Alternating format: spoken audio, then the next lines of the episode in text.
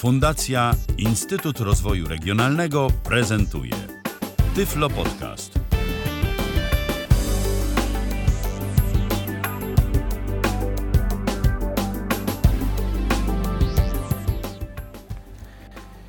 Minęła godzina 10.00. Oczywiście u nas w Polsce 19, natomiast my jeszcze e, nie wynieśliśmy się do końca z Kalifornii. Od czasów audycji o CSUN jeszcze tam pozostaliśmy troszeczkę e, i dzisiaj też łączymy się z Kalifornią i dzisiaj nie jestem sam, wyjątkowo prowadzę audycję, co nie zdarza się zbyt często. E, natomiast sam nie jestem, jak i zresztą Michał też nas nie opuścił, bo jest za, za konsoletą, natomiast mam dzisiaj z sobą gościa i to bardzo wyjątkowego gościa. Gościa, o którym powiem, że to, co mnie bardzo urzekło kiedyś na jego Twitterze, napisał pewnego dnia pomyliłem transporty pracownicze i zamiast do, face- do Google'a pojechałem do Facebooka. Osoba, bez której TalkBack nie byłby tym, czym dzisiaj jest i dostępność Androida nie byłaby tym, czym dzisiaj jest. Wiktor Caral. Witaj Wiktorze. Dzień dobry, bardzo miło. Jak słyszycie, Wiktor też mówi po polsku. E, To dzięki temu też nam się udało tą audycję przeprowadzić bez jakichś zbędnych operacji z jakimś tłumaczeniem, z nakładaniem ścieżek, z jakimiś przerwami i możemy tą audycję przeprowadzić na żywo. Więc e, zanim jeszcze przejdziemy dalej, to też e, oczywiście, jako że audycja jest na żywo, warto wspomnieć, że możecie do nas dzwonić. Standardowo pod numerem 123 834 835. Jedyna taka prośba, którą miałbym dzisiaj do Was wyjątkowo, m, ta audycja potrwa tylko godzinę. E, Tyle czasu można dzisiaj Wiktor poświęcić. E, Myślę, że to i tak jest super. E, Zaleta tego jest taka, że mamy transmisję bezpośrednio z siedziby Google w Dolinie Krzemowej.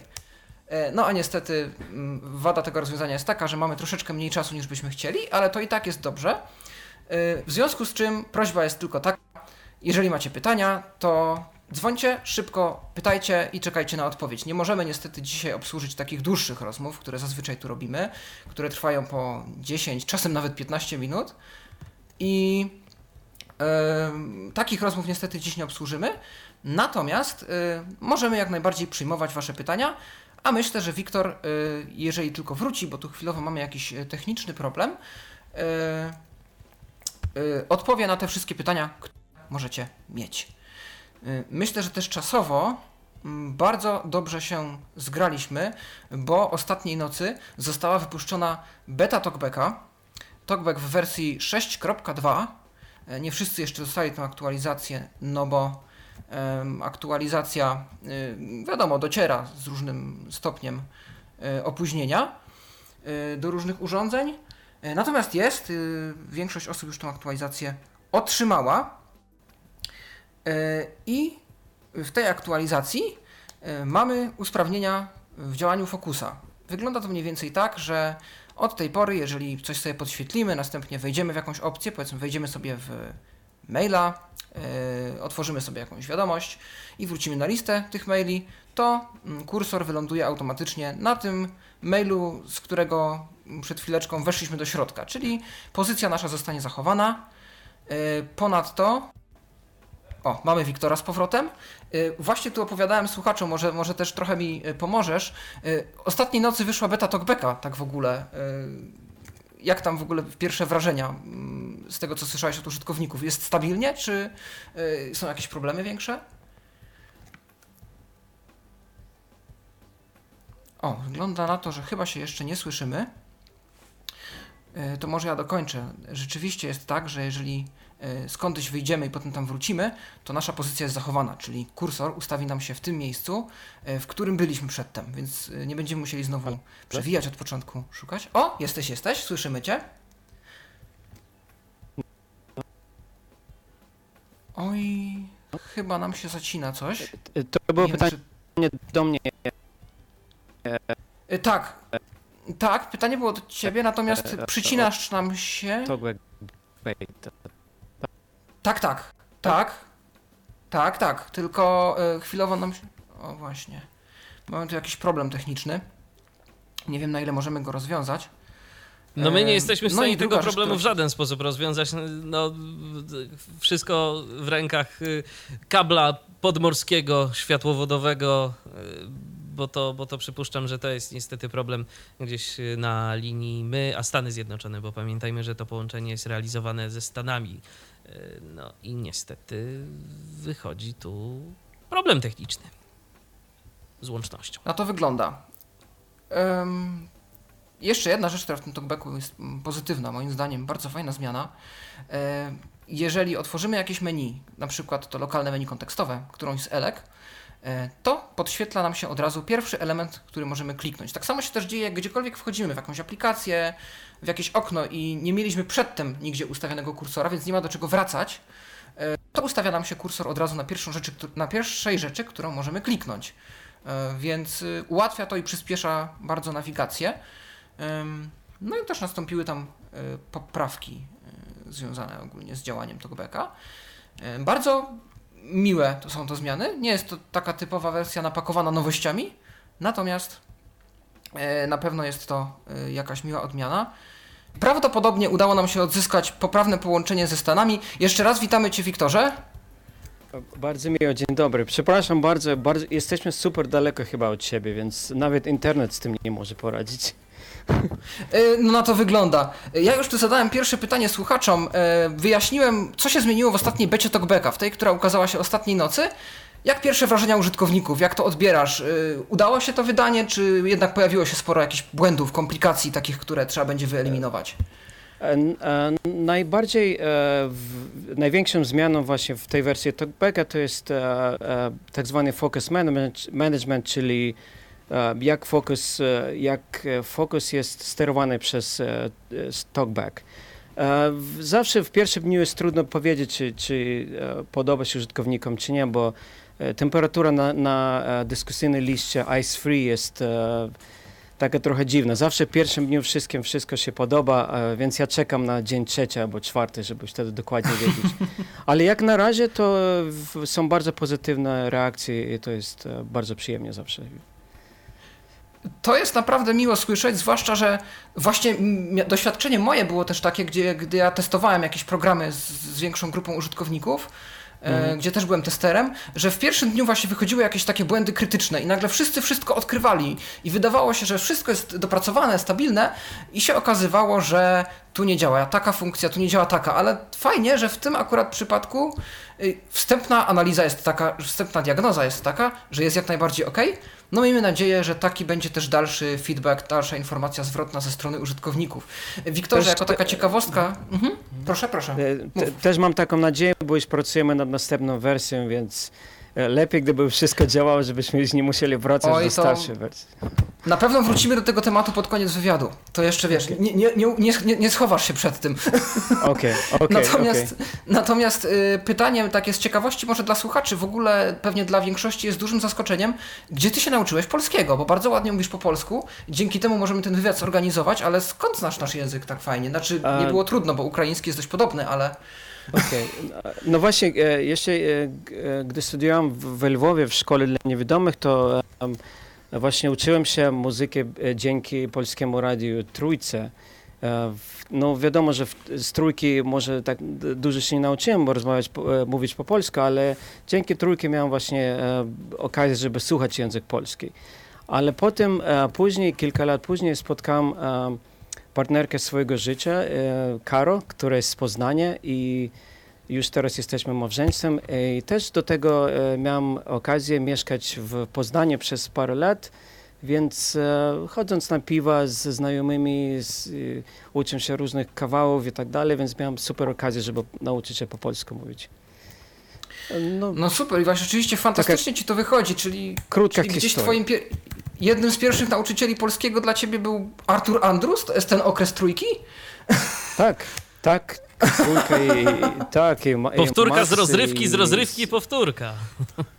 Dobrze, Tak, to, no, zanim, na- to, zanim, to tak, zanim, naj- zanim ty, Pawle, zadasz kolejne pamiętam- pytanie, y, to ja proponuję, żebyśmy odebrali Tak? telefon, bo mamy pierwszy telefon od pierwszego słuchacza. Kogo witamy? No to szybko poszło, Dzień dobry, witamy. dzień dobry, Tomek Widecki. O, E, witaj ja mam takie pytanie, w ogóle jakby, jakby można było troszeczkę przygłośnić y, do telefonu y, Pawła i, i Wiktora, bo jest troszeczkę cicho w telefonie. E, natomiast no przede wszystkim super fajnie, że ktoś ktoś niewidomy pracuje w Google, strasznie się z tego powodu na pewno wszyscy cieszą. Natomiast ja mam takie dwa pytania odnośnie talkbacka. Pierwsze pytanie jest takie. Od pewnego czasu w talkbacku jest, mm, znaczy już od długiego czasu są działania w talkbacku i te działania nie mają domyślnie y, wyznaczonego skrótu, to znaczy trzeba sobie taki skrót zrobić sam. E, Jeżeli jest użytkownik, e, jeżeli no, użytkownik jest zaawansowany, oczywiście da sobie z tym rady. Jeżeli użytkownik jest początkujący, z tym sobie rady, no nie wiem czy nie ale w każdym razie będzie musiał sobie kombinować jak zrobić, a działania mogą być momentami fajne. I moje pytanie brzmi, dlaczego nie ma domyślnie takiego skrótu zrobionego? Myślę, że byłoby to fajne. Natomiast drugie pytanie jest takie, Mm, od y, pewnego czasu TalkBack umie sobie etykietować przyciski, które do tej pory były niezaetykietowane. Z reguły, znaczy w zasadzie zawsze wychodzi to na dobre, natomiast ta opcja również jest domyślnie wyłączona i też oczywiście pytanie dlaczego. Także to takie moje pytanie i, i, i chyba tyle. Super, dzięki. Bardzo dobre pytanie. Em, Z, z ustawieniami e, domyślnymi jest, e, są wiele żartów na ten temat, ale e, gdy e, produkt obsługuje załóżmy e, tysiące ludzi z różnych e, części świata i wszyscy mają swoje domysły co do jakie ustawienia ma być domyślnym, w tym momencie jest bardzo trudno się czasami zdecydować, jaka ma, opcja ma być domyślnie włączona i nie. Mogę tylko powiedzieć, że my cały czas eksperymen- eksperymentujemy i właśnie obserwujemy, jakich opcji i użytkownicy używają, jakich nie używają i w, e, w, dzięki temu właśnie decydujemy, co e, jest e, domyślnym, jaka opcja jest domyślnie włączona, jaka nie jest. Także absolutnie ten feedback jest bardzo ważny i myślę, że może w następnej wersji właśnie te, te opcje będą domyślne.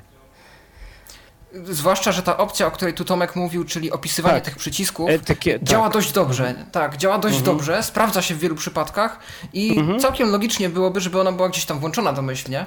Tak. Bo, bo wielu użytkowników nawet nie wie, że ona istnieje, bo nie, nie każdy ma taką naturę dłubacza, geeka, żeby dłubać w ustawieniach i sprawdzać, co tam wszystko jest. Tak, ja, się zgadzam. No, nie, no, absolutnie rozumiem, przecież ja, ja też e, używam tej opcji, ponieważ e, ja jestem niewidomy, więc e, absolutnie rozumiem, że, że w wielu aplikacjach, gdzie nie ma etykietek dla, dla przycisków, to jest bardzo ważna opcja. Natomiast każda opcja, która jest wprowadzana, to, to znaczy, że do niej musi być, muszą być napisane bardzo dużo testów i, i, i dlatego od razu my nie wprowadzamy te opcje domyślne, e, zanim e, nie jest do końca wiadomo, że te opcje działają stuprocentowo. Ale Jasne. No całkowicie, to rzeczywiście- całkowicie, tak, całkowicie zgadzam się. Mhm. E, Wiktorze, to może ja już zacznę takie pytania, które ja trochę też przygotowałem.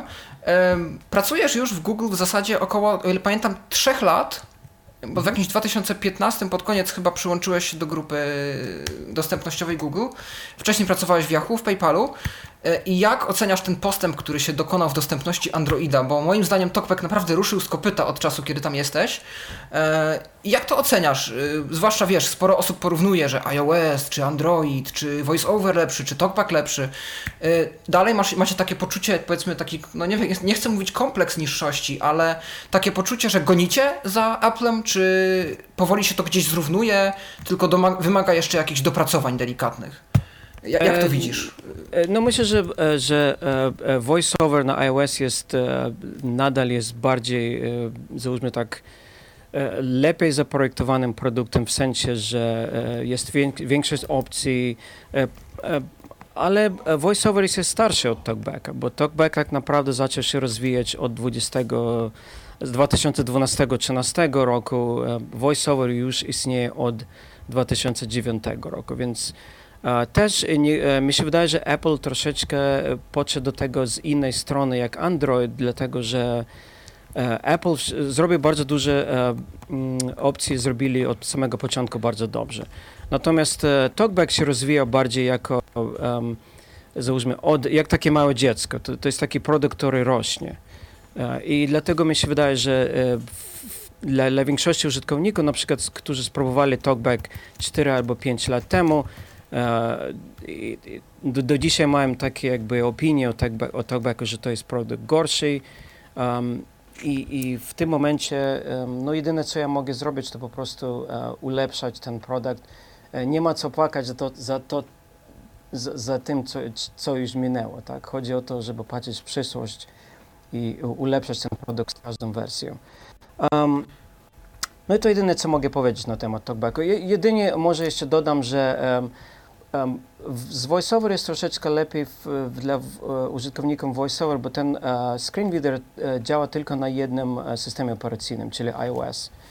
jest o wiele prościej zaprojektować coś, co działa tylko na jednym systemie. Natomiast TalkBack musi działać na telefonach, które są 4 lata star, starsze albo Mm, systemach Samsungu, Huawei, LG.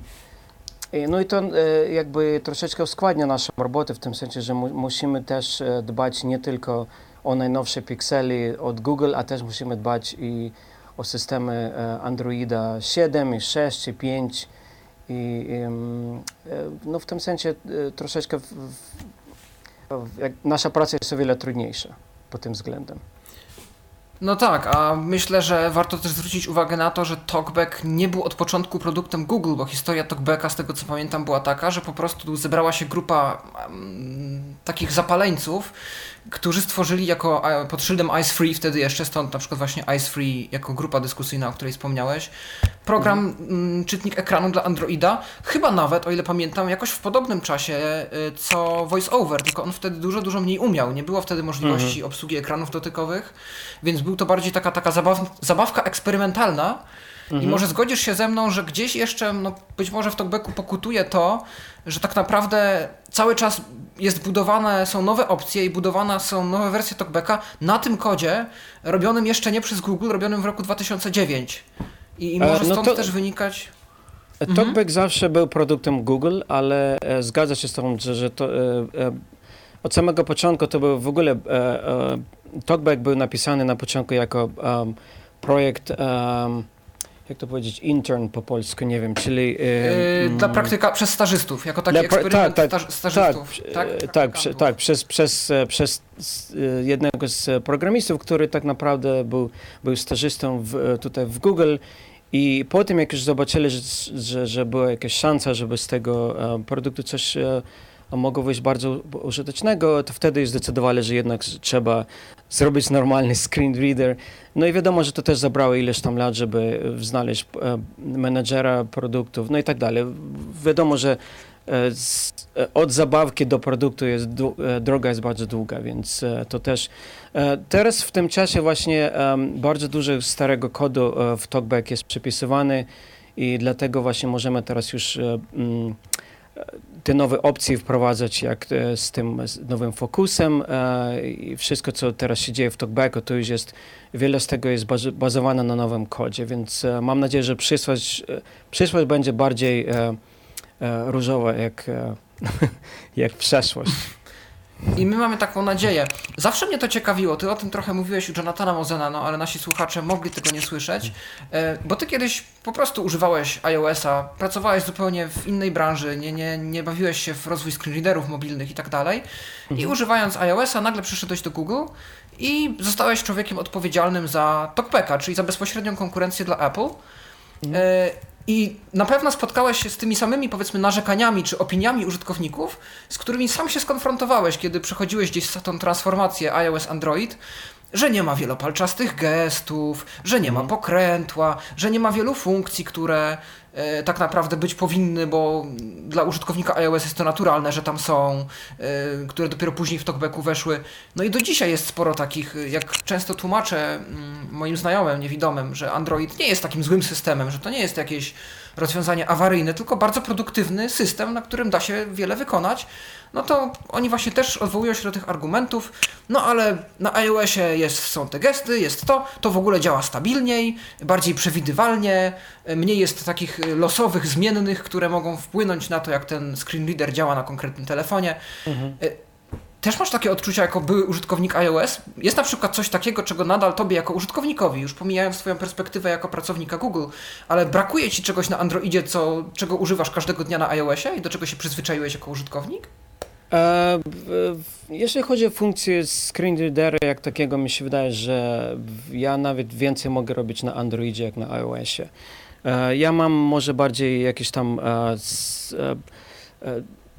jakieś tam może pytanie co do dostępności niektórych aplikacji, ale nawet w tym sensie mi się wydaje, że na Androidzie jest dość dużo e, aplikacji dla produk- produktywności użytkowników, więc nie wiem, no wiadomo, że są e, w, może jakieś tam gesty, w, jak to powiedziałeś, e, wielo...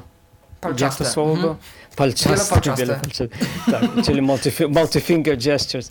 Um, No, ciężko jest czasem a- przetłumaczyć. No, ale, ale, tak, ale, ale jest, e, em, jest, e, mi się wydaje też, e, e, jest, e, w pewnym sensie mi się podoba e, e, sytuacja e, bez takich gestów, bo ja na przykład bardzo lubię używać e, telefon przez e, jednym palcem.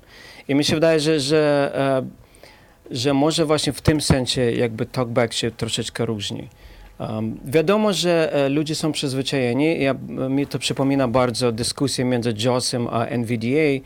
E, ile czasu zabrało, e, żeby ludzie w końcu e, się przekonali, że NVDA to jest e, bardzo dobry screen reader, który też umie bardzo dużo robić. I dzisiaj mi się wydaje, że już nie ma pytań, czy NVDA jest dobry. Jest, e, wszyscy nawet się przerzucają po troszeczkę z JOSa.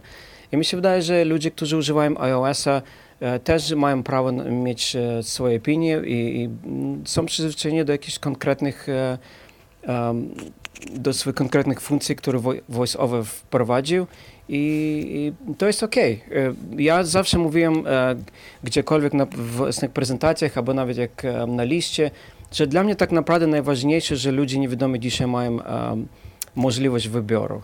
E, Nie było czegoś takiego nawet 5 lat temu, 10 lat temu i, i e, dla mnie nawet nie na tyle jest ważne, żeby ludzie przy, e, zmieniali iOS-a na Androida, bardziej żeby ludzie używali to, co im najbardziej odpowiada i żeby byli produ- produktywni w tym, co chcą robić we własnym życiu na co dzień. To A jest dla mnie tymczasem, tymczasem mamy kolejny telefon. Kogo witamy tym razem?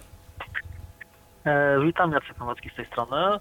E, Ja chciałem zapytać, e, ja tylko dodam e, dla tych, którzy mnie nie znają, że jestem użytkownikiem Talkbacka, ale też jestem osobą słabowidzącą i często korzystam też z e, dla osób słabowidzących i chciałem się zorientować, jakie są perspektywy poprawy dostępności dla osób słabowidzących, gdyż no, te gesty powiększenia, to trzykrotne stuknięcie jest takie mało stabilne. To się dość często wyłącza na sterowaniu na przykład e, no, z konkurencją modelu, e, no to tam jest lepiej, tak delikatnie rzecz biorąc. E, I mm, no w ogóle fajnie było, gdyby na przykład była jakaś taki, taka opcja właśnie na powiększenie na stałe, czy, czy okno lupy, takie jak na przykład Samsung sobie tam kiedyś wymyślił, czy tego typu różne rozwiązania. Jakie są perspektywy, żeby coś w tym kierunku w Androidzie się zmieniło w dostępności dla osób słabowidzących, e, typu nie wiem, e, automatyczne odwrócenie kolorów jakimś gestem na przykład, a nie gdzieś sobie to muszę włączać w pasku powiadomień, ustawiać w zależności od producenta i tak dalej. Tego typu rzeczy chciałbym, żeby Wiktor coś może powiedział na ten temat, jako specjalista Mhm. dostępności w Google. Um, no w, w, w em, wersji Oreo, która wyszła w zeszłym roku, em, wprowadziliśmy taką opcję, która się nazywa Accessibility Button.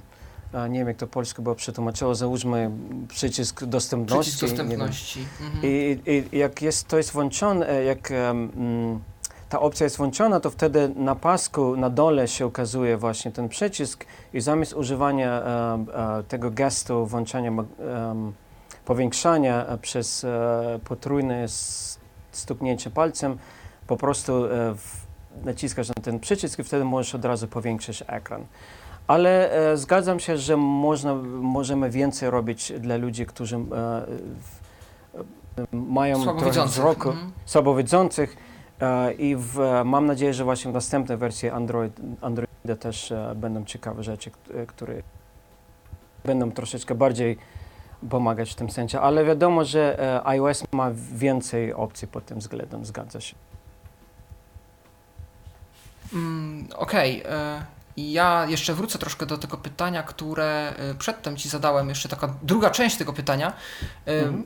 przedstawiłeś już tą swoją opinię a propos właśnie mm, różnych rzeczy, których w talkbacku może brakować, które są inne niż w voiceoverze, ale kiedy widzisz takie właśnie maile od ludzi, którzy nawet nie musi to być taka mm, krytyka ostra, tylko po prostu zgłaszają opinię, że konkretne rozwiązanie z iOS jest bardziej praktyczne i może Google powinien je rozważyć. E, Ja na przykład, takie moje ulubione, ja na przykład myślę, że więcej tych akcji, które są teraz w menu pochowane, na przykład języki, na przykład akcje dla działania dla aplikacji, mogłyby być w tym takim nowym selektorze ustawień, e, który jest w Oreo, zamiast w tych menu, bo po prostu można szybko między nimi przełączać. Odnajdujesz się jakoś w tym jako użytkownik, że hmm, no może w sumie racja, może ci ludzie rzeczywiście mają tu jakąś rację, rzeczywiście w iOSie ta konkretna funkcja działa bardziej, nie wiem, praktycznie, szybciej, co, może to nawet rozważymy. Miewasz takie momenty, że zgadzasz się gdzieś z użytkownikami, jeśli chodzi o mm, ich sugestie? Czy to jest zupełnie inna E, wizja i Nie, mi się wydaje, że użytkownicy mają bar bardzo dużo racji, ponieważ oni używają e, produkt i mi się wydaje, że więcej jak użytkownik, e, załóżmy, e, dzięki użytkownikom my możemy też e, sterować produkt w jakimś kierunku i iOS bardzo dużo, dużo rzeczy zrobili dobrze i my właśnie zważamy na, na to, jak, gdzie voiceover w jakim kierunku idzie. Ale jedynie co bardzo trudno powiedzieć użytkownikom, że są też jakieś. W Androidzie są limity, jeśli chodzi. Niektóre funkcje nie możemy e, na przykład wprowadzić przez to, że są limity w, e, w samym Patenty, tak? Androidzie. Apple'a. tak, tak. W sam, nie nawet, że patenty, ale że w samym systemie operacyjnym. ograniczenia w systemie? Mhm. Tak, e, TalkBack na przykład nie ma kontroli nad niektórymi gestami, bo, bo w, na przykład w Androidzie wszystkie gesty są w systemie operacyjnym, a nie w TalkBacku. E, I, i, I to jest taki, mm, no ja jakby siedzę między dwoma ogniami, że tak powiem, bo z jednej strony wiadomo, że rozumiem użytkowników i chciałbym, gdybym miał taką e, e, mm, Władzę, mhm. e, tak, taką, no nie to, że nawet władzę, taką wiesz, e, jak to magic wand, jak się nazywa po angielsku, czyli... Różdżka, czyli taką, magiczną różdżkę. Tak, Mhm. tak, tak, dokładnie. Ja bym to dzisiaj zmienił wszystko od razu po tym programie. Ale niestety są rzeczy, które nie zależą ode mnie, ode mnie i te rzeczy na przykład no, nie wypada dyskutować poza, poza pracą, bo to są e, rzeczy, które nawet Jasne. można byłoby Mhm. trudno wytłumaczyć. I tak, zgadza się, że, że bardzo jak dos- dostawać takie maile jest e, i przyjemnie, i też nieprzyjemnie, bo wiadomo, y, nie mogę na przykład czasem powiedzieć użytkowniku, że e, bardzo z Tobą się zgadzam, ale niestety nie możemy tego zrobić w momencie. No I- tak. no i, Mhm. i- to, to, jest, to jest e, odpowiedzialność każdego, kto pracuje dla, dla takiej wielkiej em, korporacji, na przykład jak Google, albo dla, dla takiej dużej firmy, że e, no, są rzeczy, które my wszystko robimy, co możemy, wiadomo, co, bo, jesteśmy zainteresowani w tym, żeby produkt był jak najlepszy. No i już jak, jak powiedziałem, ja jestem niewidomy, więc ja ulepszam ten produkt, produkt przede wszystkim dla siebie też. Więc e, absolutnie e, dla mnie ważny jest ten feedback taki, ale z drugiej strony są rzeczy, które nas ograniczają i, i no jest tak, takie, taka rzeczywistość. Z tym bardzo dużo się nie da zrobić. Zwłaszcza, że taką bardzo fajną rzecz, też odwołam się znowu do wywiadu, wywiadu z Jonathanem, powiedziałeś, że lepiej jest na dobrą sprawę e, pewne rzeczy, z którymi się zgadzasz, e, puścić na górę do szefostwa w Google i dyskutować z nimi nad zmianami, które Dokładnie. oni mogliby pro, wprowadzić i zezwolić tobie, niż odpowiadać na 10 tysięcy maili, tweetów, wiadomości od y, rozeźlonych użytkowników, którym coś się nie podoba. Więc to, że nie Dokładnie. odpisujesz, nie oznacza, że ignorujesz użytkowników, tylko po prostu może już działasz e, z tym, z kim trzeba, żeby pewne zmiany mogły wejść w życie później. Więc Tak, to jest też kwestia tej cierpliwości i, I dla, i dlatego ten, dlatego że... Mhm. Mhm, zgadza się, Proszę. Paweł. Dla, dlatego ten feedback jest bardzo ważny, bo my, e, ja zresztą e, wiele, wiele razy chyba mówiłem na, nawet na Ice Free liście, że, że bardzo, bardzo prosimy wysyłać feedback, bo on jest dla nas ważny, my to wszystko zbieramy i dzięki temu feedbacku potem możemy rozmawiać na przykład z, z, z naszymi kierownikami, że, że na przykład taka funkcja bardzo jest potrzebna, więc musimy znaleźć e, programistów, którzy by e, zaprogramowali albo zrobili e, zmiany, które nam są e, bardzo potrzebne. Bez tego feedbacku e, jest bardzo trudno um, e, umożliwiać coś takiego, bo, bo wtedy zawsze może, może nam ktoś powiedzieć, że no niestety, a dlaczego chcesz taką opcję, czy użytkownicy potrzebują takie, taką opcję, czy nie.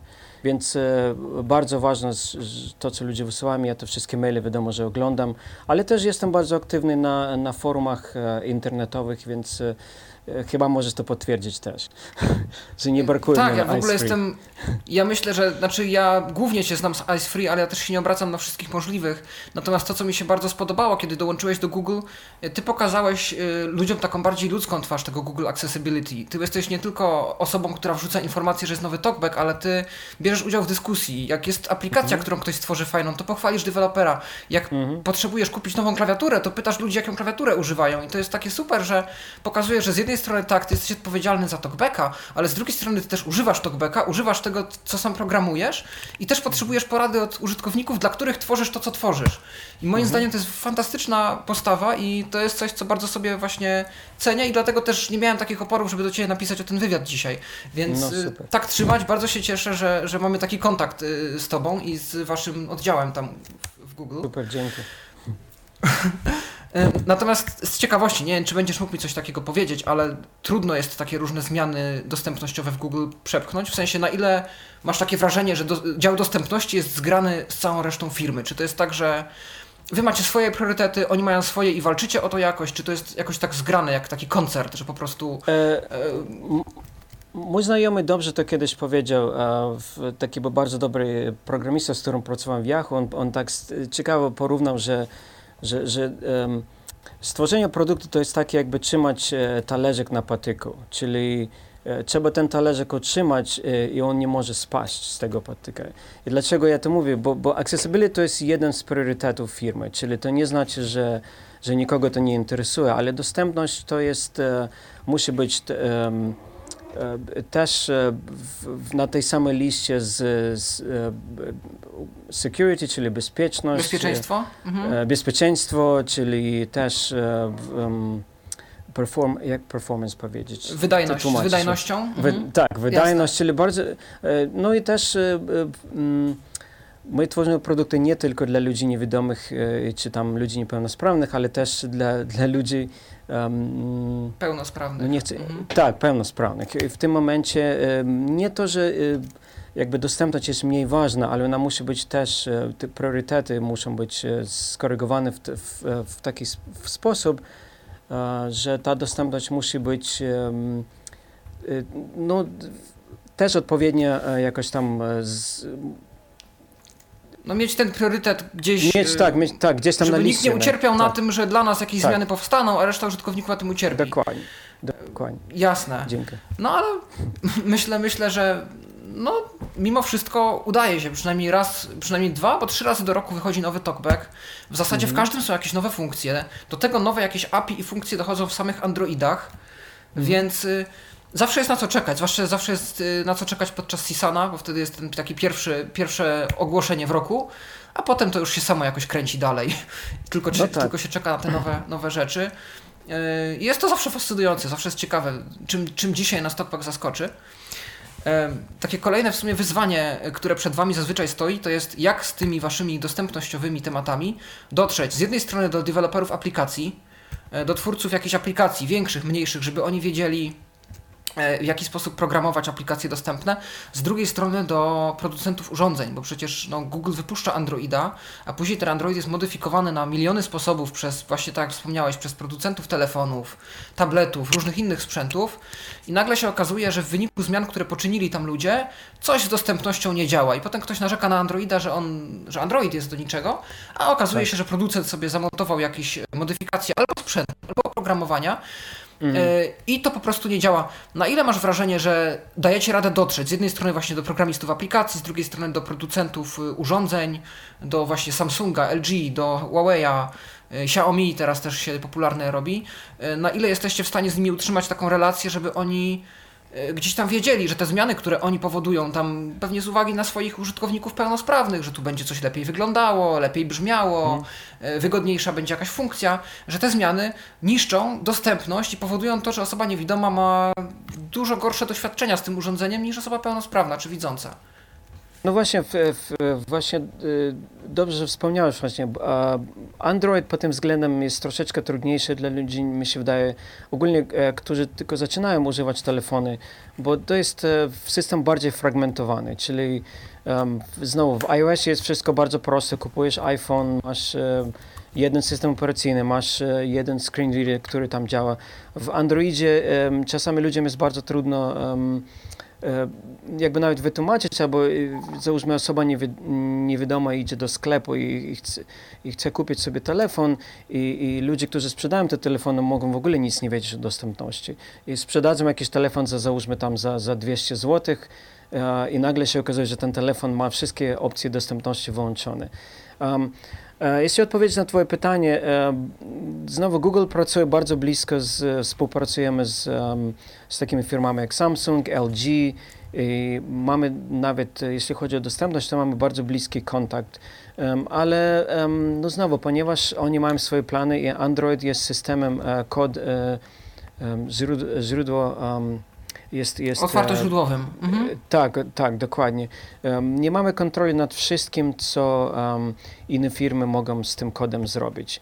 E, próbujemy, wiadomo, jak najbardziej, ale e, nadal e, no jest po prostu taka jest filozofia Google, że ten kod musi zostać otwarty i dzięki temu właśnie Android jest najbardziej popularnym systemem na świecie, ale jeśli chodzi o dostępność w tym momencie um, może to troszeczkę jakby szkodzi, nie? Ale dlatego ja m, zawsze nawet e, mówiłem na Ice Free, że, że ja radzę, jeśli na przykład osoba nie, niewidoma chce, y, chce mieć e, najbardziej dostępny e, telefon Android, to po prostu trzeba um, szukać telefonów, które mają e, tak zwany pure e, Android experience. Czyli, Czysty, czystego Androida. Czyste, mhm. te, czystego Androida, który nie ma jakichś tam doinstalowanych aplikacji, Mm, czy, czy nie ma jakichś tam za dużo pozmienianych um, opcji. Um, wiadomo, że jest łatwiej powiedzieć, ale przynajmniej tak um, ja zawsze e, doradzam, bo to jest naj, najbliższy sposób, żeby się upewnić, że jednak ten telefon będzie działać i że, że wersja TalkBacka będzie najnowsza i, i że będzie najlepsze doświadczenie. A rozważaliście jakieś takie odgórne inicjatywy, żeby jakoś producentów powiedzmy uczulić na ten temat dostępności? Abs powiedzmy jakieś tak. spotkanie? E, mhm. Spotkania powiedzmy, czy jakieś konferencja, czy nawet, bo Google ma taką władzę, że powiedzmy modyfikowanie Androida jest możliwe, natomiast trzeba spełnić pewne warunki, mhm. żeby otrzymać certyfikację Google, z tego co rozumiem, żeby mieć dostęp tak. do Google Apps i gdyby tam na przykład jakoś wprowadzić jakieś wymagania odnośnie dostępności, że na przykład producent nie może wyłączyć skrótu dostępności. E, są, są. E, jeśli, no tak, jest taki, dokum, e, jest taki um, dokument, się nazywa CDD i to jest e, dokument, który właśnie e, mm, skierowuje wszystkich um, producentów, że niektóre opcje muszą, są wymagane. Um, nadal to nie znaczy, że, że, że każdy producent, producent będzie tego się dotrzymywał, ale no Google robi wszystko, co możliwe. Jest konferencja mhm. Google I.O., na której bardzo właśnie spotykamy się z, z producentami aplikacji i, i sprzętu. I no, w, znowu, e, e, jak, będąc największym e, systemem operacyjnym, jest bardzo trudno skontrolować wszystkich, ile jest telefonów z 20 tysięcy chyba dzisiaj, nie wiem, różnych wersji Androida. Też nie mam statystyk pod ręką, ale może bardzo, du mhm. bardzo dużo. Więc, w każdym razie dużo, tak. Tak, i, i po prostu e, znowu mamy e, strony dla, dla mm, deweloperów, czyli ludzi, którzy piszą te aplikacje. Są strony, gdzie jest e, dokładnie wytłumaczone, jak stworzyć aplikację dostępności, ale to znowu, to tak jak na iOSie, dokładnie tak samo. Apple też bardzo jest um, aktywny w współpracy z, z um, deweloperami, ale to nie znaczy, że każda aplikacja na iOSie jest dostępna, więc uh, my wszyscy jesteśmy w tym samym um, w tej samej sytuacji, że robimy wszystko, co się da, ale wiadomo, um, muszę jedno powiedzieć, że znowu tutaj bardzo jest ważne, um, żeby użytkownicy też e, korzystali z e, social media i też e, m, skontaktowali się z producentami aplikacji, e, żeby im też powiedzieć, że używamy waszej aplikacji i jeśli nie wiecie, jak e, zrobić e, waszą aplikację dostępną, to jest właśnie taka strona, do której możecie pójść i wszystko się dowiedzieć. Także tutaj Właśnie, jest troszeczkę taka mam... współpraca. Mhm. Współpraca tak. między użytkownikami, użytkownikami i nami. Jasne i to nawet y, bardzo dobrze działa. Zdaje się, że ostatnio są jakieś sukcesy typu Facebook Mhm. ostatnio się uaktywnił znowu w kwestii dostępności, na przykład Uber y, też tą aplikację zgodził się dostosować. Natomiast gdzieś dalej chyba pokutuje takie przekonanie wśród deweloperów, że dostępność y, aplikacji mobilnych to jest głównie iOS i to ja na przykład widzę po różnych y, wielkich firmach. Y, Miałem na przykład taką sytuację ostatnio z Airbnb. Airbnb Aha. e, z którąś jeszcze firmą. e, Pisałem do nich właśnie, że aplikacja na Android jest niedostępna. I się okazało, że tam od jakiegoś czasu funkcjonuje jakaś inicjatywa na rzecz dostępności i oni zrobili aplikację dostępną, no ale na iOS. A Android to ktoś tego w ogóle używa? I, i często są takie pytania właśnie od, i od programistów e, aplikacji dla osób niewidomych, tych, które na iOSie są już bardzo popularne, jak i od e, programistów aplikacji ogólnodostępnych, które też powinny być dostępnymi dla niepełnosprawnych i dla niewidomych, że na iOS-a to oni owszem robią albo dostosowują aplikację, ale Android, to, czy to się w ogóle opłaca? Czy niewidomi tego w ogóle używają? Czy ile my z tego będziemy mieli zysku? I to jest dalej ten problem, żeby dotrzeć chyba z tym, że nas jest trochę, zwłaszcza w różnych krajach, tam gdzie nie każdy może sobie na iPhone'a pozwolić. Android jest tak naprawdę jedyną i bardzo dobrą zresztą alternatywą. I, i, I właśnie trzeba chyba też dotrzeć z tym przesłaniem, że są użytkownicy Androida niewidomi i nie jest ich aż tak mało, że to nie jest jakaś awangarda, e, jakichś powiedzmy kilku ludzi, którzy eksperymentują i się tym bawią, tylko rzeczywiście jest e, grono oddanych użytkowników tego systemu.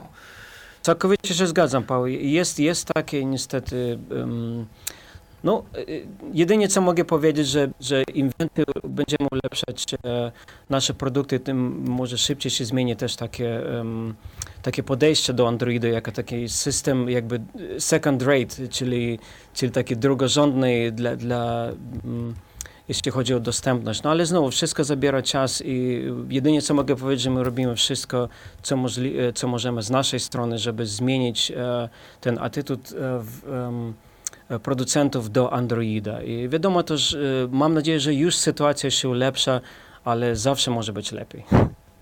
Mhm. A teraz może troszkę zmienię delikatnie temat. Też będzie Android, ale bardziej Android TV, Wear OS, Chromebooki.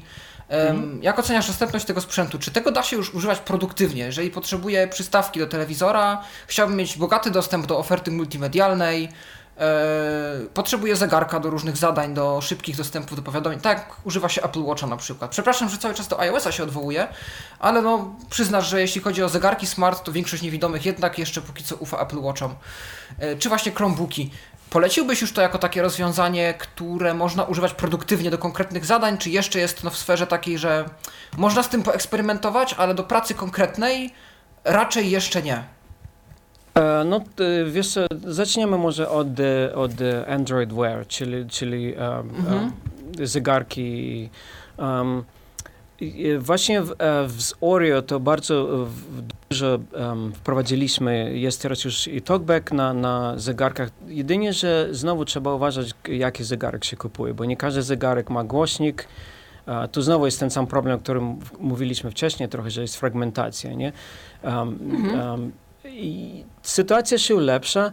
Em, no, załóżmy, że em, jest e, Huawei, a wszystkie e, najnowsze ich zegarki już są zbudowane z talkbackiem, jest do- z dostępnością i są bardzo używane, e, użyteczne są. Em, Mhm. Jeśli chodzi o telewizor, TV, to jest Samsung, LG chyba też no sytuacja już lepsza. Chromebooki tak samo. Chromebooki teraz już są bardzo użyteczne.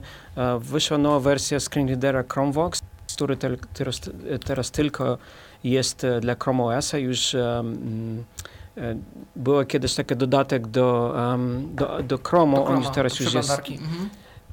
Tak, tak, do przeglądarki Chrome. E, Teraz już jest jakby nie jest on e, rozwijany, ale natomiast e, jest nowa wersja screenreadera Chromebox dla Chrome OS-a i on już prawie wszystko, działa ze wszystkim, co, co trzeba dla, dla produktywności. Teraz już są, można na nowszych Chromebookach już można też instalować e, aplikację Androida, czyli em, mm, to jest bardzo dobre dla użytkowników w tym sensie, że jeśli nie ma na przykład um, Skype'a em, dla Chromu, to można sobie zainstalować z, Play, e, z, em, z, marke, e, z jak to po polsku Play. zapominam, to Mhm. jest Sklep Play. sklepu Play. Tak, ze sklepu Play już można zainstalować sobie e, Skype'a jako aplikację Androida i, i ta aplikacja już będzie działać em, z, z screen reader Chromevox na Chromebooku, więc e, no znowu, myślę, że absolutnie. Tak, jeśli muszę krótko powiedzieć na pytanie, to absolutnie tak. Ale znowu jest ale w tym sensie, że trzeba jednak sprawdzać mm, zrobić troszeczkę zadania domowe, w tym sensie, że jednak sprawdzić, zanim coś kupić, może nawet pójść do takiej listy właśnie jak Ice Free albo jakieś inne listy, się zapytać innych użytkowników, czy ktoś już, e, e, e ktoś już próbował na przykład e, ten sprzęt i czy on działa z talkbackiem. Zawsze można do nas też napisać e, google.com e, accessibility get in touch. To możemy, ja nie wiem, czy macie show notes na przykład dla podcastu, możemy też dodać jakieś linki. Myślę, że w, w komentarzu. Mamy komentarze. Okay. Ten podcast też będzie komentowany, więc możesz chcieć potem śledzić, bo może ludzie, okay. którzy nie mogli nas słuchać na żywo, będą mieli też pytania do ciebie po audycji, więc tam zawsze mm -hmm. te pytania się znajdą. Super. A my umieścimy też notatki. Okej, okay. super. Mm, ale takiego Chromebooka, y, powiedzmy, rozważyłbyś go już jako alternatywę dla na przykład komputera z Windowsem albo z Maciem, czy jeszcze nie, czy po prostu tak, ale do innych zadań? Powiedzmy, nie wiem, byłbyś w stanie pisać e... tam dokumenty. Absolutnie. Jeśli chodzi o, o, o, Tylko trzeba pamiętać, że, że Chromebooki są stworzone w, jakby pracować z, z, z G Suite, czyli to jest tak, e, to jest um, te wszystkie aplikacje Google, tak? Dokumenty tak, aplikacje Google, Google tak, Google Docs, e, Google Sheets i, z, mhm. i z tymi aplikacjami to bar, bardzo wszystko dobrze, mhm. tak, wszystko bardzo dobrze prac, e, pracuje e, z Chromevoxem i w, pod tym względem ja na przykład już nie używam Microsoft Worda od, nie wiem, chyba um, od 10 lat. No, wszystko, co ja na przykład potrzebuję robić jako menedżer, czyli z arkuszami pracować, z dokumentami i z i z e, prezentacjami. E, ja mogę wszystko zrobić e, absolutnie na Chromebooku i z, z, dzięki aplikacjom Google. Więc nie wiem, jeśli to jest jakiś parametr, ale mogę powiedzieć, że... Myślę, że, że tak. Myślę, musi... że no. odpowiada... Tak, sporo osób może rozważyć takiego Chromebooka na przyszłość, bo zwłaszcza, że ten Android to jest dość duża przewaga, bo mi na przykład mhm. brakuje aplikacji mobilnych na komputerze. Jednak komputer to jest takie, taki sprzęt, z którego korzystam, jak chcę mieć dużą klawiaturę, jak mhm. pracuję nad wielozadaniowością, nadal mimo wszystko szybciej się przełącza okienka na komputerze niż na telefonie, a chciałbym mhm. jednocześnie zamówić pizzę jakąś aplikacją, która jest tylko na Androida, sprawdzić rozkład autobusów. Dokładnie. Tego nie ma na Windowsa. No Windows coś próbuje, tam w dziesiątce jakieś aplikacje są, no niemniej jednak nie ma ich aż tak dużo jak na Androida, więc myślę, że jeżeli ktoś by szukał takiego mechanizmu, żeby uruchomić androidowe aplikacje na jakimś środowisku komputerowym, takim typowo stacjonarnym, to jest to dobra opcja. I, i to jest bardzo, e, w ogóle bardzo fajnie to jest e, zaprojektowane w tym sensie, że, że ta aplikacja androidowa po prostu będzie jakby w innym oknie, czyli jedynie co trzeba zrobić e, Alt-Tab i po prostu normalnie sobie przełączasz z aplikacji Androida do aplikacji Chrome'owej. W tym sensie mhm. no, bardzo, bardzo to fajnie działa, więc muszę powiedzieć, że w tym dobrze jest zaprojektowane w ogóle. I, i ten projekt będzie jeszcze więcej się rozwijał, także um, jeśli ktoś chce spróbować, to absolutnie polecam. No, to jest z pewnością dobra wiadomość. A zupełnie z czystej ciekawości, czy ty też piszesz kod w Talkbacku, czy jesteś tylko menedżerem i zawiadujesz powiedzmy działaniami, e... które się tam dzieją, zlecasz ludziom pracę, e, czy też masz jakiś swój wkład w to, że tam powstają jakieś funkcje? Nie piszę e, tyle kodu, ile bym chciał, ale niektóre wersje, którym, e, którzy ludziom się podobały, to, to też właśnie ja napisałem, ja też dodałem do kodu TalkBack. E, także muszę powiedzieć, że jestem bardzo dumny Aha. z tego. No, użytkownicy pewnie też są szczęśliwi, że to działa bardzo stabilnie i, i, i, każdego dnia z tego korzystają, więc to jest też dla Ciebie pewnie satysfakcja, że dzięki Twojej pracy mm, ludzie mają dostęp. Ludzie mają dostęp do, do telefonów, do tabletów, do różnych innych sprzętów. Bardzo. Tak, no to teraz y, przyjdzie nieuchronnie chyba to pytanie, e, co dalej z Talkbackiem? Co teraz wychodzi wersja 6.2? E, mówiłeś już coś, że pracujecie nad następną wersją. Możesz nam na potrzeby audycji powiedzieć chociaż troszeczkę, co tam planujecie? Czy to wszystko jest objęte tajemnicą? No, e, niestety za bardzo nie mogę powiedzieć, ale jedynie co mogę powiedzieć, to będzie za parę tygodni będzie Google I.O., czyli największa konferencja, którą Google prowadzi co mhm. roku i, i właśnie jak zawsze będzie prezentacja, um, na, um, w której będziemy właśnie um, pokazywać nowe e, funkcje, e, nie tylko w TalkBack, ale w ogóle w dostępności dla Androida i zapraszam wszystkich, będzie chyba to streamowane też i podejrzewam, że to będzie też na YouTubie Um, no jedynie co mogę powiedzieć, że, że ulepszamy rzeczy i podejrzewam, że będzie lepiej, nie gorzej.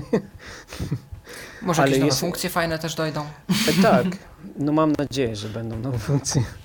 E, jak rozumiem, na IO dowiemy się czegoś więcej niż, e, jakby więcej funkcji zostanie pokazanych na przykład niż na Sisanie, tak? Czy to będzie to samo też? Nie, myślę, że więcej. Będziemy o wiele więcej pokazywać. Pokazywać będą demo też jak zawsze, więc będzie ciekawie. Na Sisanie, no, to... na, Sis, na mhm. też jakby nie możemy jeszcze za dużo mówić, bo w tym momencie to jest, w Sisan się odbyła z reguły w marcu, w marcu akurat, e, jeśli nie, nie wszystkie rzeczy są jakby do końca um, zaprojektowane, więc e, mówimy tylko jakoś tak bardzo ogólnie, a, a na Google I.O. właśnie to już będziemy mówić o szczególnych jakichś tam e, Mhm. Okej, okay. to takie moje jeszcze ostatnie pytanie, bo już chyba ten czas nas, nasz będzie powoli dobiegał do końca. Yy, a propos Polski, z ciekawości, jeżeli to też jest wiadomo, kto tłumaczy Talkbacka?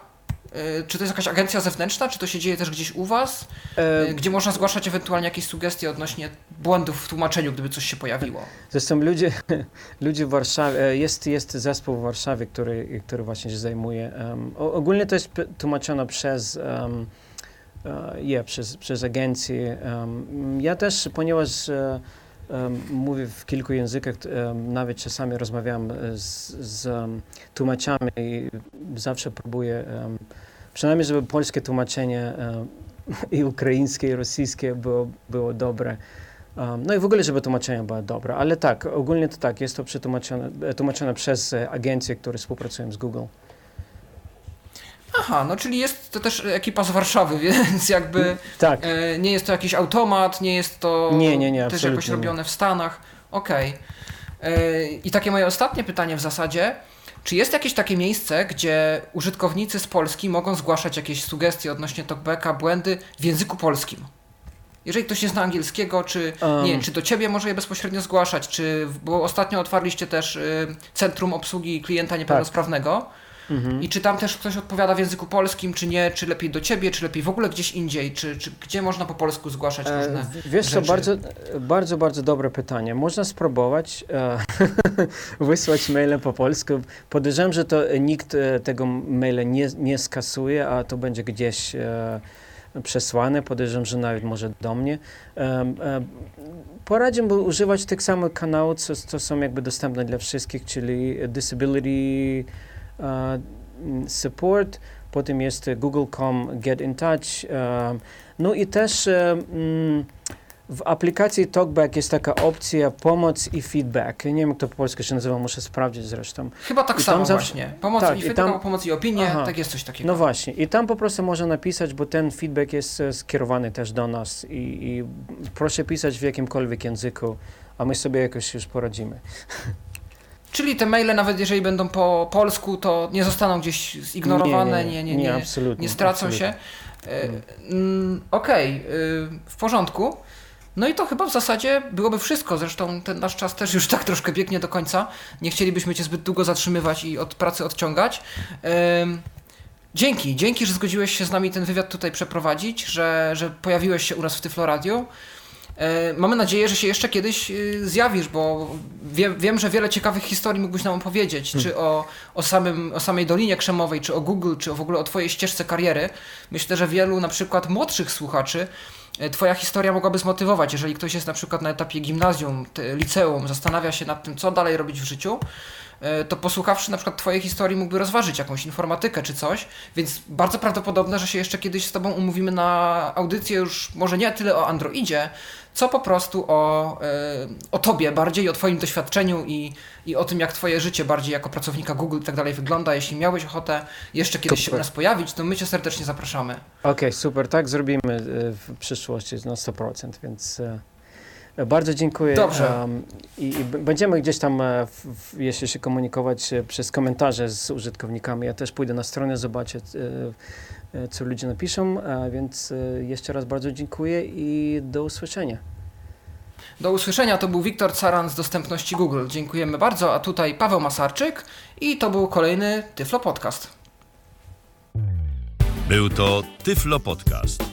Pierwszy polski podcast dla niewidomych i słabowidzących.